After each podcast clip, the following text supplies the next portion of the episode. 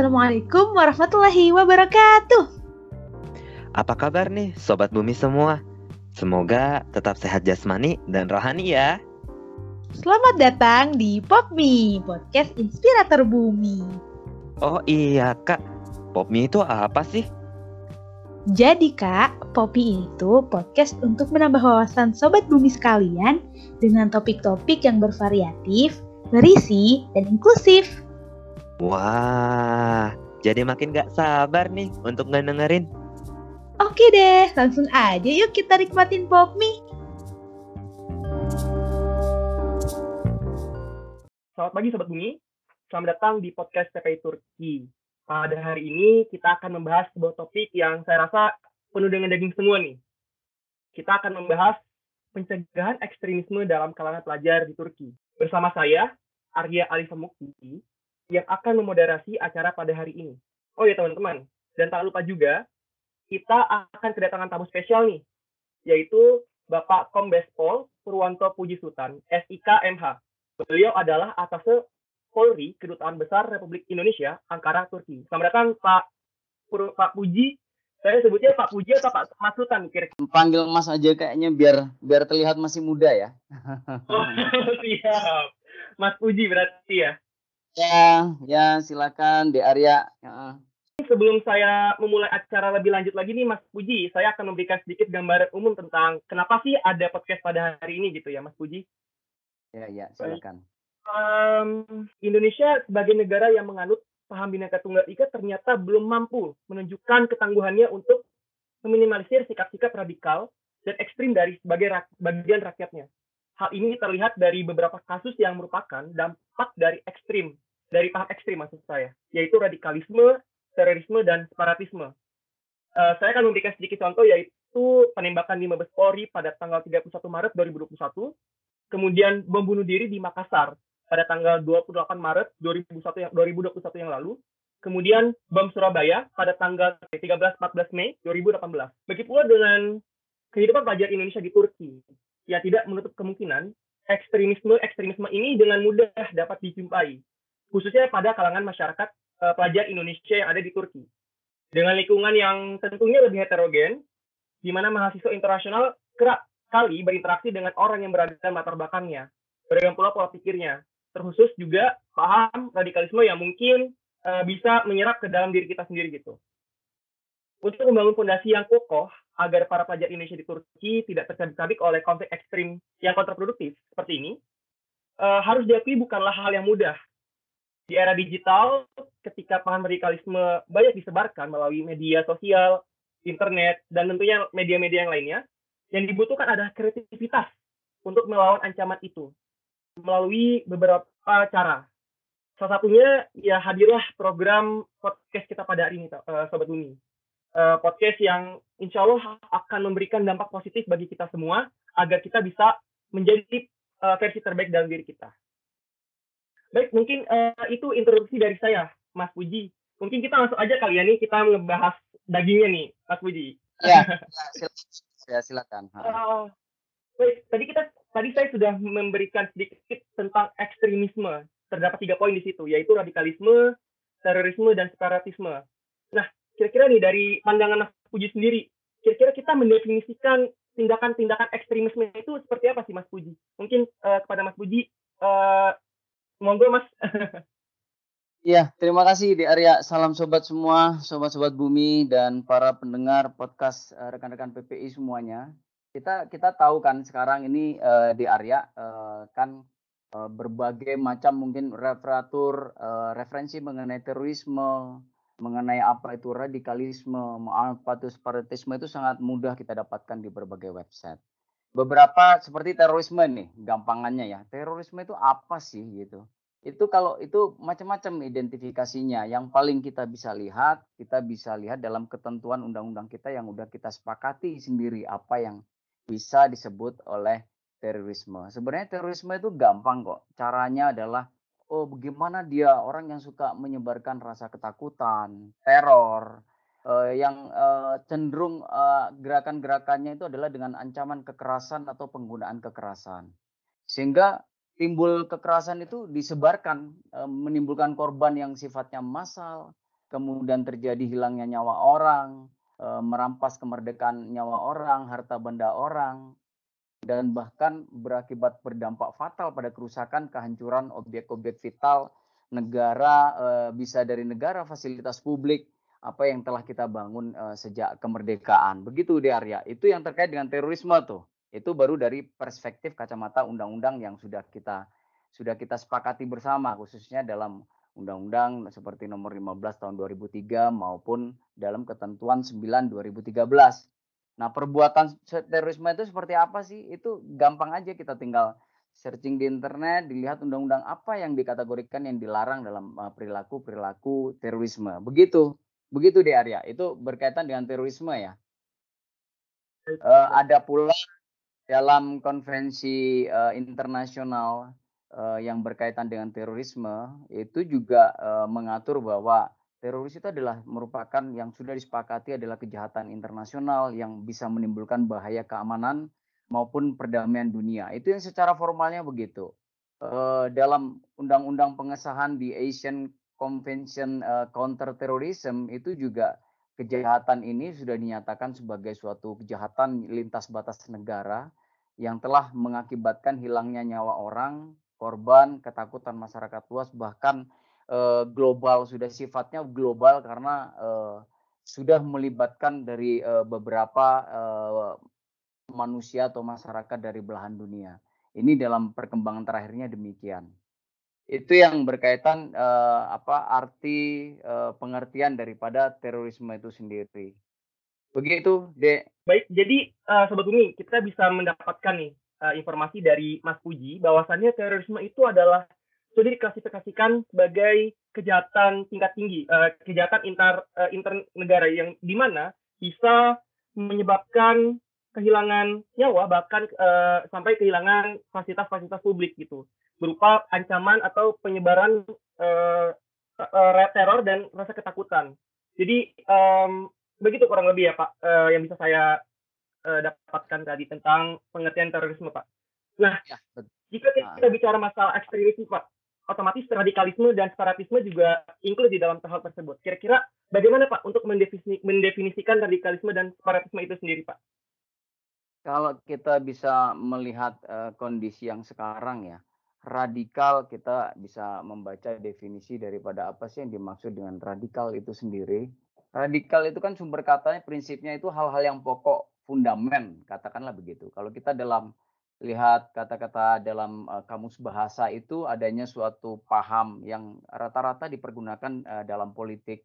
Menginginkan adanya perubahan sosial uh, dengan cara-cara kekerasan dengan drastis uh, bahkan uh, ada beberapa konsep politik yang menginginkan perubahan uh, pergantian atau katakanlah pergantian sistem masyarakat itu sampai ke akar-akarnya yang dianggap dengan melakukan hal-hal yang uh, ekstrim. Uh, di dalam kata, kata kriteria radikal menurut undang-undang uh, kita sendiri itu uh, adalah kriterianya eh, yang kita kategorikan anti Pancasila, anti kebinekaan dan anti NKRI bahkan anti Undang-Undang 45, dasar 45. Itu terkait dengan radikalisme sendiri. Sedangkan hal-hal yang terkait dengan uh, definisi apa itu separatis. Separatis itu kalau kita melihat dari arti secara umumnya adalah uh, bagaimana kita, uh, or, sesuatu uh, orang melakukan gerakan untuk mendapatkan kedaulatan dan memisahkan diri dari suatu wilayah ataupun suatu kelompok manusia. Itu yang secara umumnya yang bisa kita pahami gitu.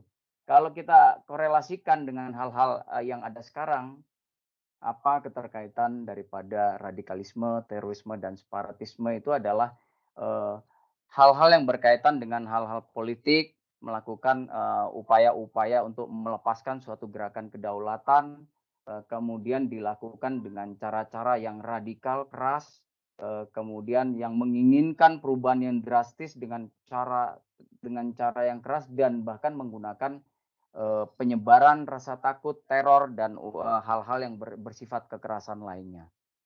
Begitu, Di Arya.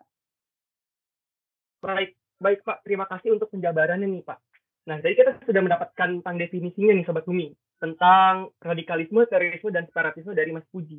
Nah, kira-kira nih kita mungkin agak sedikit bertanya-tanya nih, kok bisa sih pemikiran-pemikiran tersebut bisa menyerempet ke masyarakat, Mas Puji. Kira-kira kok bisa gitu? Pemikiran-pemikiran tersebut bisa menyerempet ke masyarakat. Kira-kira bagaimana kronologisnya dan kira-kira media masuk itu seperti apa aja, Mas Puji? Monggo, Mas Puji. Kalau kalau kita kita berbicara masalah terorisme ini kita sudah saya katakan tadi adalah terorisme adalah suatu kejahatan internasional.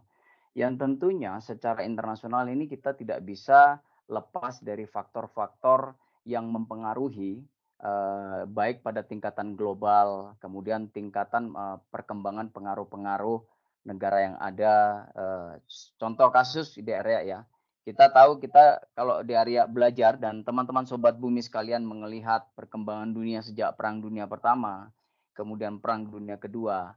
Eh, ini kan tentunya menciptakan eh, kelompok-kelompok uh, blok yang ada di dunia. Nah, ini uh, berkembang secara global dan berdampak juga kepada Indonesia. Kalau mungkin kalau pada saat perang dunia kedua seperti Jerman tidak melakukan eh, perang dengan sekutu katakanlah dan bersama koalisinya termasuk Jepang. Mungkin saat ini Indonesia juga masih suatu gambaran wujud yang belum pernah ada. Nah, itu merupakan bagian daripada perubahan politik eh, secara global. Nah, tentunya hal ini eh, teman-teman kalau mempelajari sejarah Indonesia sendiri, kalau kita balik ke Indonesia, Indonesia sejak berapa abad yang lalu kita sudah dijajah Belanda 350 tahun, kemudian oleh Jepang penjajahan eh, tiga setengah tahun dan sebelumnya itu kita adalah e, merupakan mungkin pernah kita mendengar bahwa kita adalah sejarah dari zaman Majapahit dan kerajaan Sriwijaya dan beberapa raja-raja kecil yang e, memenuhi bumi Nusantara. E, dari segi kerajaan kita sudah terdiri dari berbagai kerajaan. Dari suku bangsa kita terdiri dari berbagai suku bangsa. Dari segi budaya, bahasa dan sebagainya kita cenderung kita sangat berbeda dan uh, bahkan kita memiliki budaya beratus-ratus bahasa, budaya, culture yang berbeda-beda.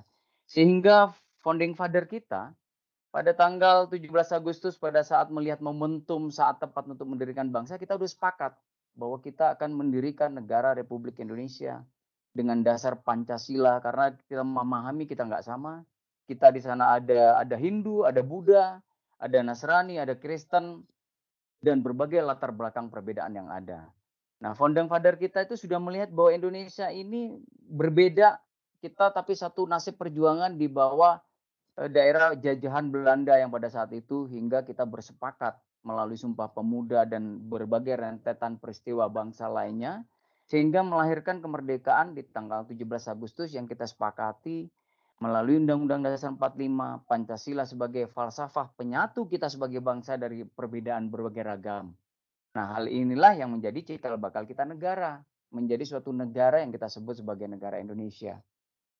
Sejak awal itu sendiri peristiwa eh, pada zaman awal kemerdekaan kita membentuk negara itu sudah banyak cikal bakal eh, di area dan sobat-sobat bumi sekalian cikal bakal ada mulainya uh, terorisme, separatisme dan radikalisme itu bukan hanya pada saat sekarang.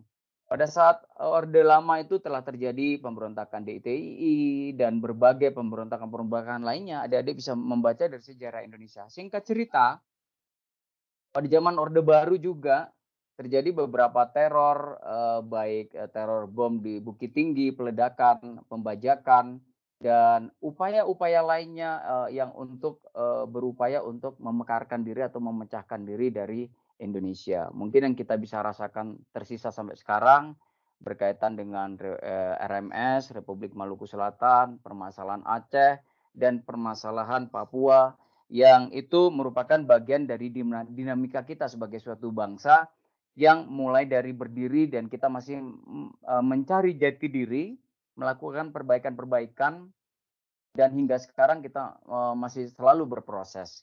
Intinya demikian Der ya, sampai uh, pada perkembangannya pengaruh dunia secara global, pengaruh internal kita secara Indonesia dan pengaruh kepentingan-pentingan daripada blok-blok ini turut mempengaruhi setiap dinamika perkembangan yang terjadi baik yang terjadi di di dunia maupun di Indonesia. Ini saya baru cerita tentang Indonesia aja nih Der ya. Oh, baik Pak, baik Pak. ya, kira-kira begitu.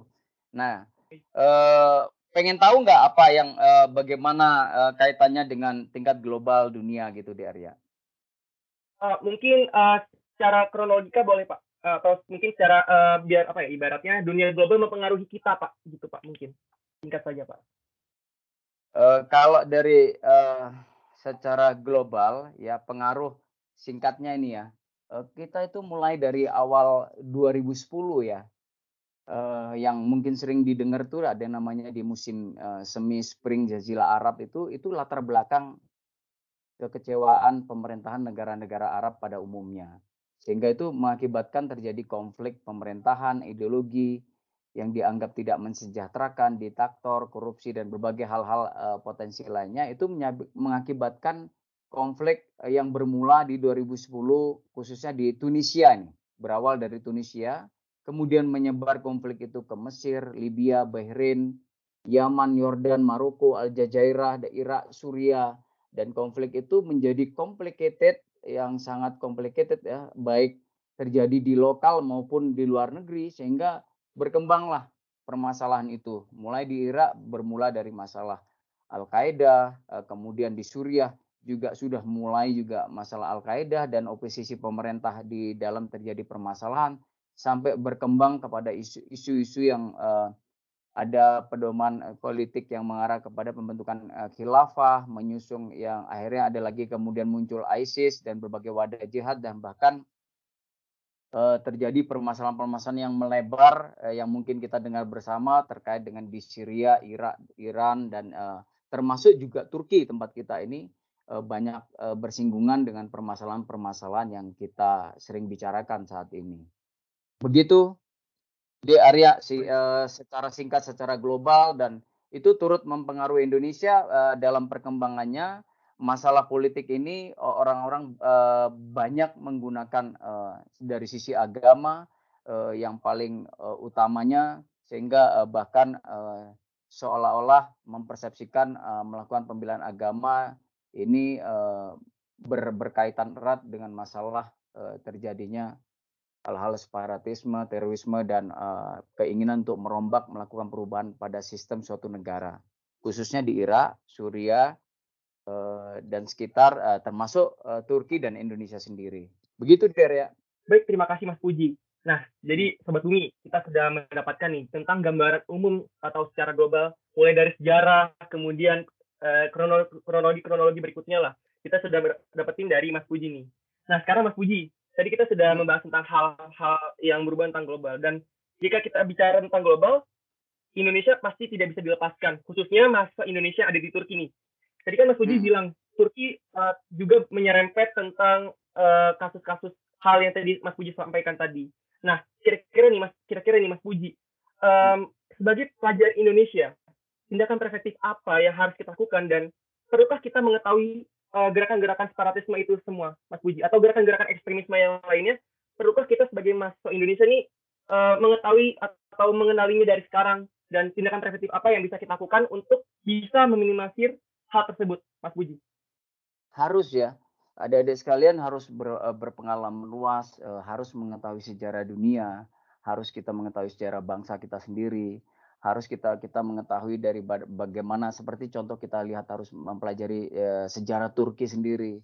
Turki sendiri mulai dari zaman Ottoman, kenapa kemudian terjadi perang dunia ke-1, perang dunia kedua, kenapa Turki ini Eh, dari kejahatan Ottoman kemudian runtuh, bagaimana wilayah Ottoman dulu yang luas sampai ke Eropa, termasuk Iran, Irak, uh, Suria, dan bahkan sampai ke Arab Saudi, bahkan dan wilayah sekitar adalah merupakan bagian Ottoman kemudian terpecah.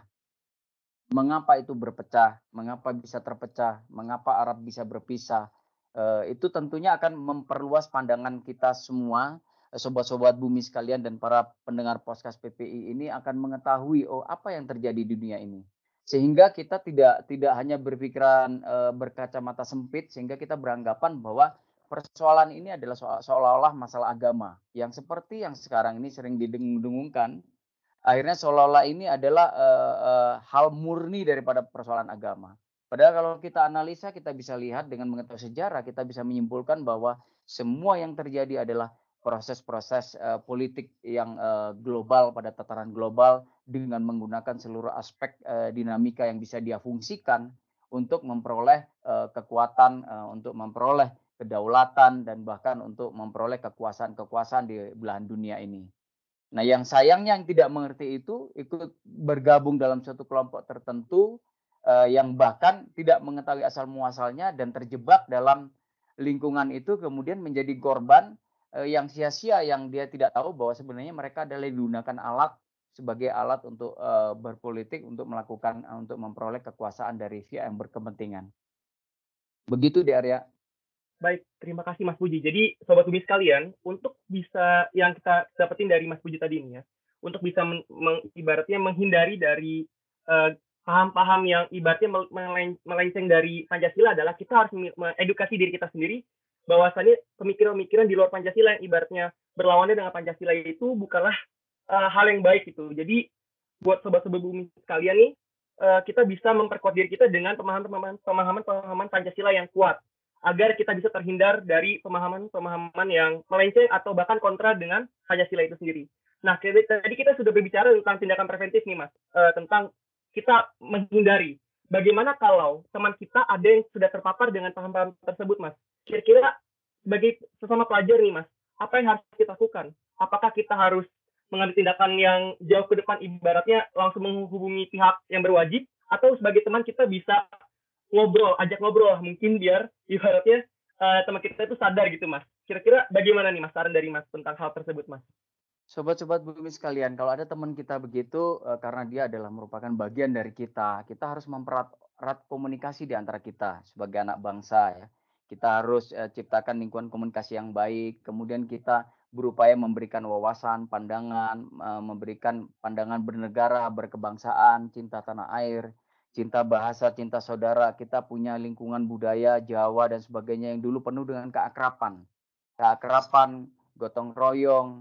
Kita membangun budaya-budaya lama kita yang menurut menurut saya adalah sudah sangat baik yang sudah kita miliki secara turun temurun.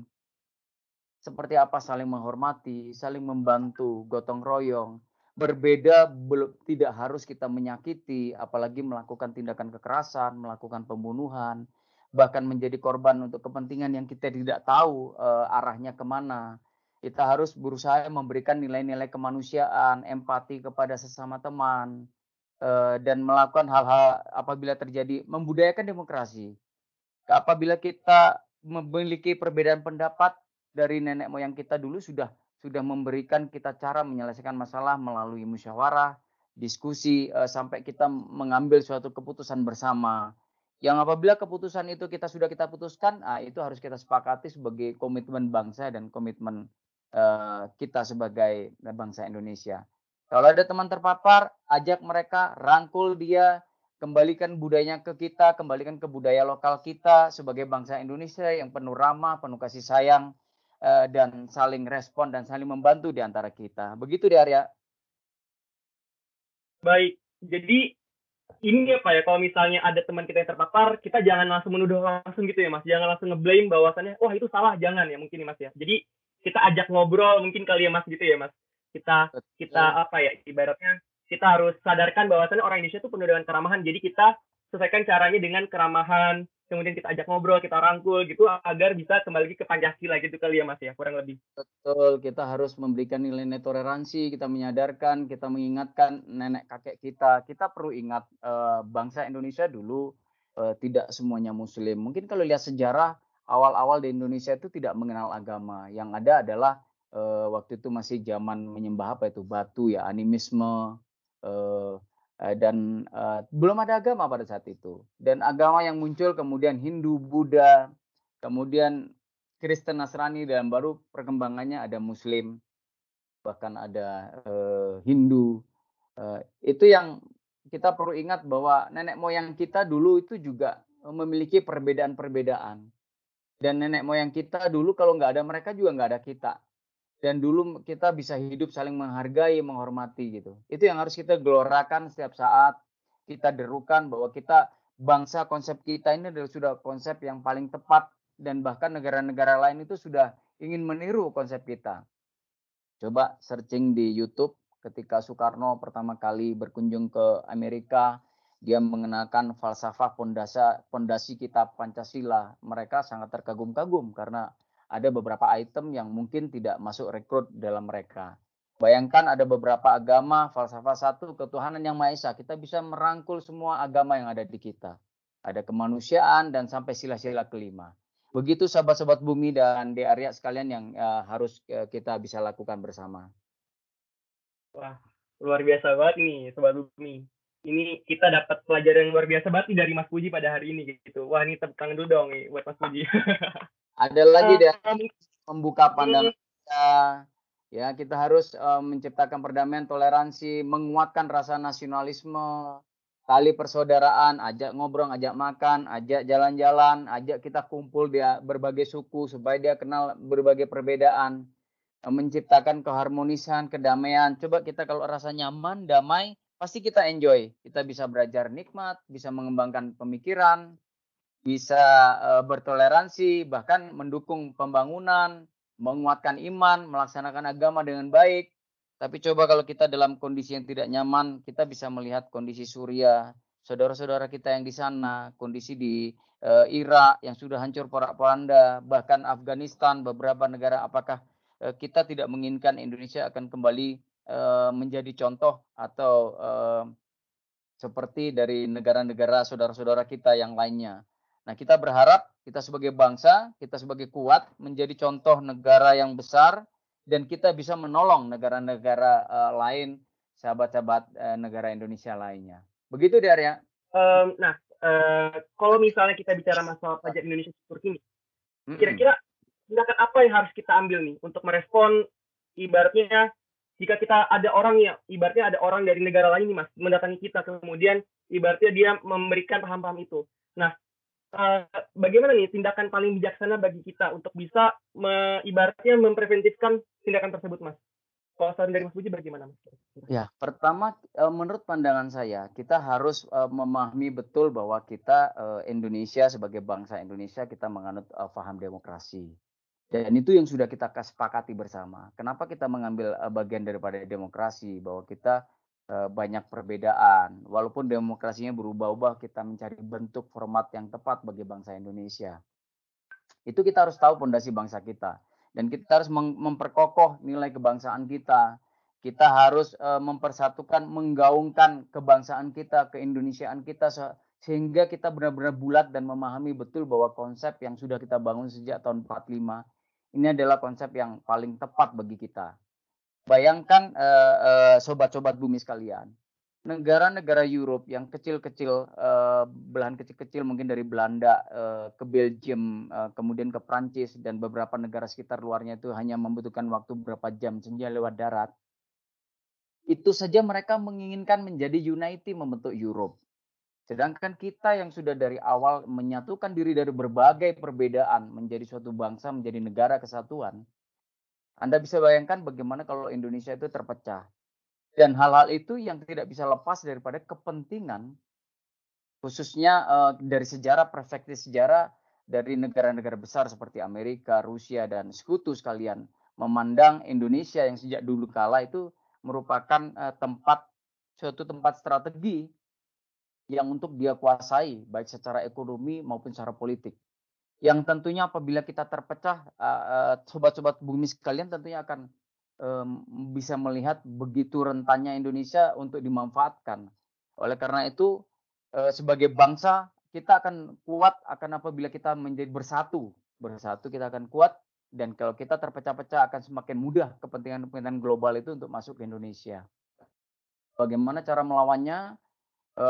Teman-teman semua harus pertama permasalahan utama berkaitan dengan terorisme radikal uh, dan separatis itu berawal dari pendidikan. Kita harus mempunyai pendidikan yang kuat, uh, mempunyai pemahaman, pengetahuan yang luas, sehingga kita sebagai generasi muda bangsa kita memahami betul setiap permasalahan atau pengaruh yang masuk ke kita. Kira-kira gitu dia. Baik, terima kasih baik Mas Puji. Ini luar biasa banget nih pelajaran yang bisa kita dapat pada hari ini gitu mungkin mas saya setelah ini bakalan eh, ini membacakan kesimpulan yang mungkin bisa saya sampaikan pada hari ini mas nanti setelah kesimpulan saya bacakan mungkin nanti mas Puji akan membacakan closing statement mas baik um, kesimpulannya pada hari ini adalah tindakan ekstremisme adalah tindakan yang tidak benar. Baik secara dari segala arah mata angin itu bukan tindakan yang benar. Terorisme adalah tindakan yang menyebarkan kebencian, menyebarkan teror yang bisa membuat nyawa bahkan uh, fasilitas publik yang ada di setiap negara itu hancur. Begitu pula dengan radikalisme dan separatisme. Itu bukan tindakan yang baik. Karena sebuah negara yang paling penting adalah kesatuan dan persatuan. Di mana di situ ada kedamaian, di mana ada rasa nyaman di antara sama masyarakat yang lainnya. Jika kita bicara uh, kenapa bisa ini ada bah, uh, apa namanya uh, ekstremisme ini, kita harus melihat, bisa melihat dari sejarahnya. Mulai dari pasca Perang Dunia Satu dan Perang Dunia Kedua, yaitu uh, pasca dari sana menciptakan blok-blok yang di mana dari blok-blok itu menciptakan ibaratnya apa ya pemikiran-pemikiran tersendiri yang di mana membuat kelompok-kelompok kecil gitu ya mas. Dan kemudian juga sejak awal kemerdekaan Indonesia juga terdapat uh, banyak gerakan-gerakan separatis uh, gerakan-gerakan ekstremisme yang lainnya. Mulai dari uh, pada saat orde lama kemudian orde baru itu masing-masing sudah ada gerakan-gerakan uh, yang lainnya nah kita sebagai peran pelajar Indonesia adalah kita harus memperkuat diri kita akan nilai-nilai Pancasila, kita harus mengedukasi diri kita tentang nilai-nilai Pancasila. Karena ideologi yang paling paling apa ya paling pas buat orang-orang Indonesia adalah Pancasila itu sendiri. Karena sudah include semuanya. Mulai dari ketuhanan, persatuan, kemanusiaan, keadilan sosial dan itu sudah cukup bagi orang Indonesia. Jadi buat orang buat pelajar Indonesia ada di Turki khususnya. Kita bersentuhan dan ber, ibaratnya berkomunikasi dengan uh, orang-orang dari negara lain, kita harus sadar bahwasannya Pancasila adalah diri kita, adalah cerminan dari diri kita gitu. Jadi itu saya rasa uh, yang bisa saya simpulkan Pancasila adalah kunci dari segalanya gitu. Jadi kita untuk mempreventifkan atau menghindari dari tindakan-tindakan yang yang ibaratnya menyimpang atau kontradiksi dari orang Indonesia yang peduli dengan keramahan yang tadi Mas Puji sampaikan itu adalah Pancasila gitu. Itu sudah uh, luar biasa, ideologi yang luar biasa gitu. Dan kita harus melestarikan Pancasila sampai anak-anak cucu kita nanti gitu. Mungkin itu yang bisa sampai saya sampaikan dari kesimpulan Mas Puji. Nah, berikutnya nih Mas Puji, kira-kira closing statement nih Mas. Dan mungkin Mas Puji punya pesan untuk pelajar-pelajar di Indonesia, pelajar-pelajar Indonesia ada di Turki. Itu Mas. Ya. Monggo Mas Puji. Sobat-sobat uh, bumi sekalian dan para pendengar podcast PPI uh, eh, sekalian, Eh, kita tahu Turki juga uh, punya permasalahan yang sama tidak jauh berbeda dengan Indonesia. Ya, mungkin kita bisa lihat hari tanggal 15 Juli kalau tidak salah ya di area ya. Itu adalah hari yang sangat bersejarah uh, bagi Turki sendiri melihat ada kudeta militer yang mereka itu sekarang juga menghadapi terorisme. Mereka menyebutnya veto terorisme dan berbagai organisasi yang berafiliasi dengan ISIS di Suriah yang sangat berdampak dengan border Turki sendiri. Uh, itu yang sangat uh, berkaitan dan yang harus eh, teman-teman sobat bumi sekalian harus waspadai.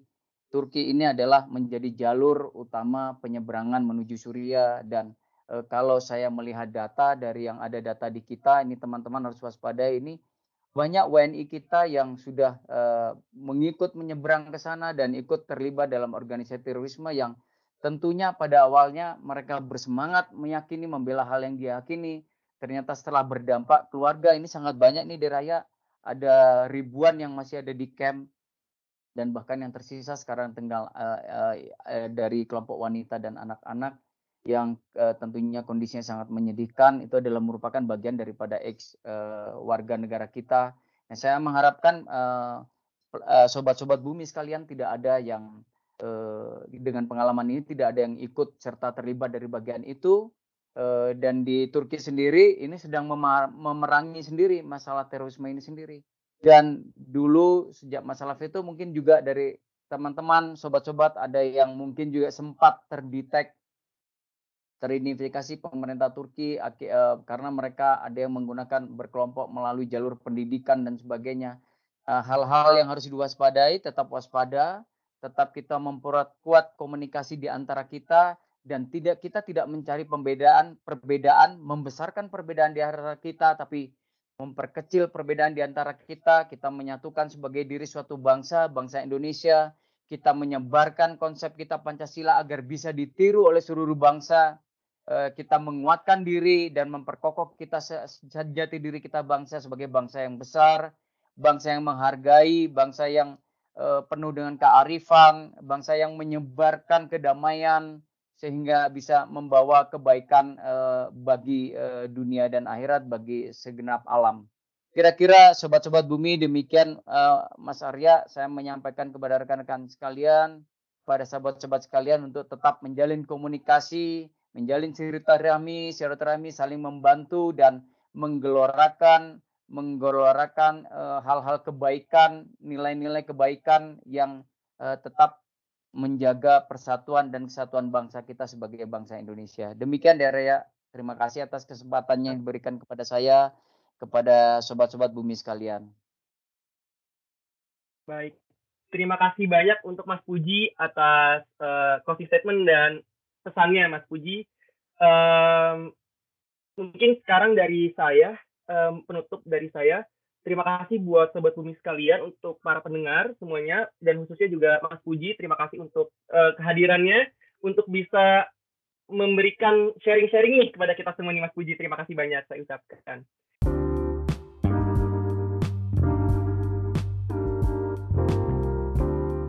Hmm, lezat. Gimana nih Sobat Bumi rasa pop mie-nya? Rasa apa nih? Rasa bakso, rasa ayam bawang atau rasa kari? Hehe. Semoga sobat-sobat bumi bisa menikmati dan mendapat manfaat dari Popmi episode ini. Nah, tolong dari sobat bumi, jika ada kritik dan saran terkait Popmi, silahkan langsung kirim ke alamat email yang tersedia di deskripsi ya. Eh, kak, kak, sepertinya sudah waktunya kita pamit nih. Oke, kita pamit dulu ya sobat bumi. Mohon maaf jika ada kekurangan dan kesalahan yang disengaja maupun tidak disengaja. Terima kasih Sobat Bumi yang sudah mendengarkan dengan setia. Dan sampai jumpa di Popmi episode selanjutnya. Wassalamualaikum warahmatullahi wabarakatuh.